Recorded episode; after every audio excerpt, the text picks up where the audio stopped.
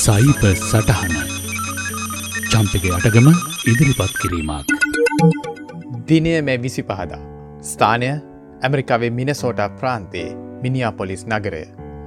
අමානුෂික police ක්‍රියාකාරකමක් නිසා මහදවාලේ වීදියක කළුජාතික George Floyd මියයෑමේ දර්ශන අන්තර්ජාලය හරහා පැතිරගේ ලැව්ගින්නක් වගේ.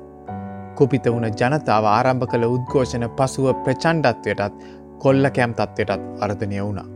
මේ තත්ත්වය ඉතා ඉක්මනින් වෙනත් රටවලටත් පැතිරයන අයුරු දැන් අපිට පේනවා. ඔස්ට්‍රලියාවේ ප්‍රධාන නගර කිහිපයක ඇපරජිනල් ජනතාවට සහයෝගයක් ලෙස බ්ලක් ලයිස් මැට තේමාව යටතේ විශාල උද්ඝෝෂණ කිහිපයක්ම දියත් වුණා.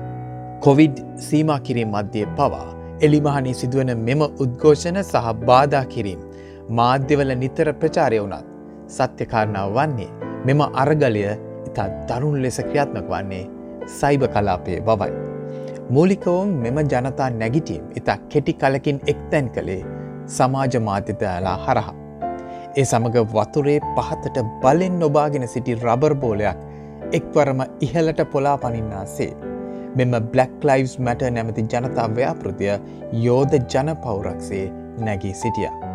ඇනනුමියස් නැමති ලොව ප්‍රකට හැක්ටිවිස්ට් සංවිධානය මෙම අරගලයට සහය පල කරමින් පොලිස් ආයතන ඉදිරියේදී හැක්කිරීමට ලක් කරන වග සඳහන් කරා.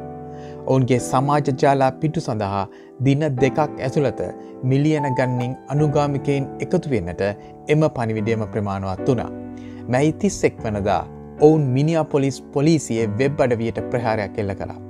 උද්ඝෝෂකයන්ට බාධා කරන ඕනෑම රජයේ දෙපාතුමේන්තු වෙබ් අඩිවලටද එම ඉරණම අත්වෙනු ඇති බව ඔවුන් තවදුරටත් අනතුරු හැඟවූවා.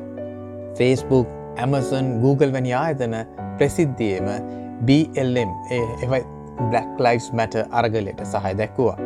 ඇමසන් ආයතන හිමිකරුවන ජෙෆ් බෙසොස් මහතා ඒ වෙනුවෙන් එන විවේචනවලට ප්‍රසිද්ධිය පිළිතුරු පවාසපයක් තිබුණා ඔහුගේ ට්විට ගිනුම හරහා.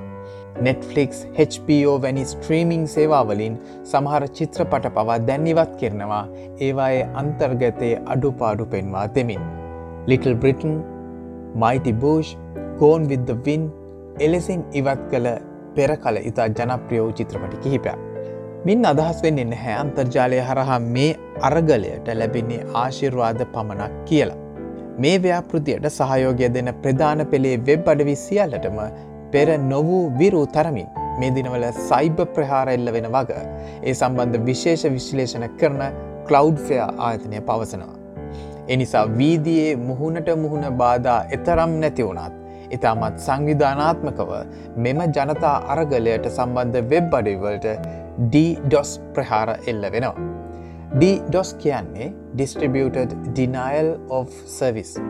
මෙතනදි ඔවුන් කරන්නේ විසිරුණු ජාලයක් කරහා ඔවුන් ඉලක්ක කරන වෙබ් අඩවියට දරාගත නොහැකි ප්‍රමාණයෙන් සම්බන්ධතා එක මොහොතේ එල්ල කරමින් එම අඩවිය අඩපන කිරීම හෝ සම්පූර්ණයෙන්ම ක්‍රියා විරහිත කිරීම.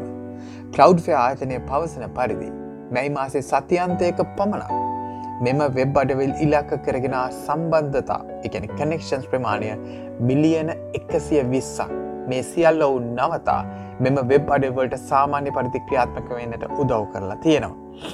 මේ කාරය කෙතරම් පැතිරිදිල්ලාද කියනවන්නම්. ඔවුන් මෙලෙසින් ඉලක්ක වෙන සාමාන්‍ය වෙබ් අඩවි බේරාගන්නට ප්‍රොජෙක්් කැලීලියෝ නමින් ක්‍රියාන්විතයක් ආරම්භ කරලා තියෙනවා. ඔය අතරේ මේ අරගලය වෙනුවෙන් උනන්තු වෙලා සයිභාවකාශය ක්‍රියාත්මකාය ඉලක්ක කරගෙන ඉතා භයානක ස්කෑම් එකක් මේ මොහොතේ පැතිරෙන පටන් අරා. මෙහිදි වෙන්නේ මේ අරගලයට සහය වෙන්න එක්තරා ඩොකියමන්ට් එකක විවෘත කරන්න ඉල්ලා සිටිමි. නමුත් ඒ විවෘත කොරොත් වෙන්නේ ට්‍රික් බොඩ් කියන භයානක වෛරසේ ඉන්ස්ටෝල් වෙන එක. මේ හරහා රයුක් නැමති තා විනාශකාරී කප්පම් වෛරසය පවා ජාලවලට එකතු වෙන්න පුළුවන් අවධානමක් තියෙනවා. දැන් ඔබට පැහැදිලි ඇති අපි මේ මහපාරය දකින්නේ මේ අරගලේ බොහොම පොඩි කොටසක්.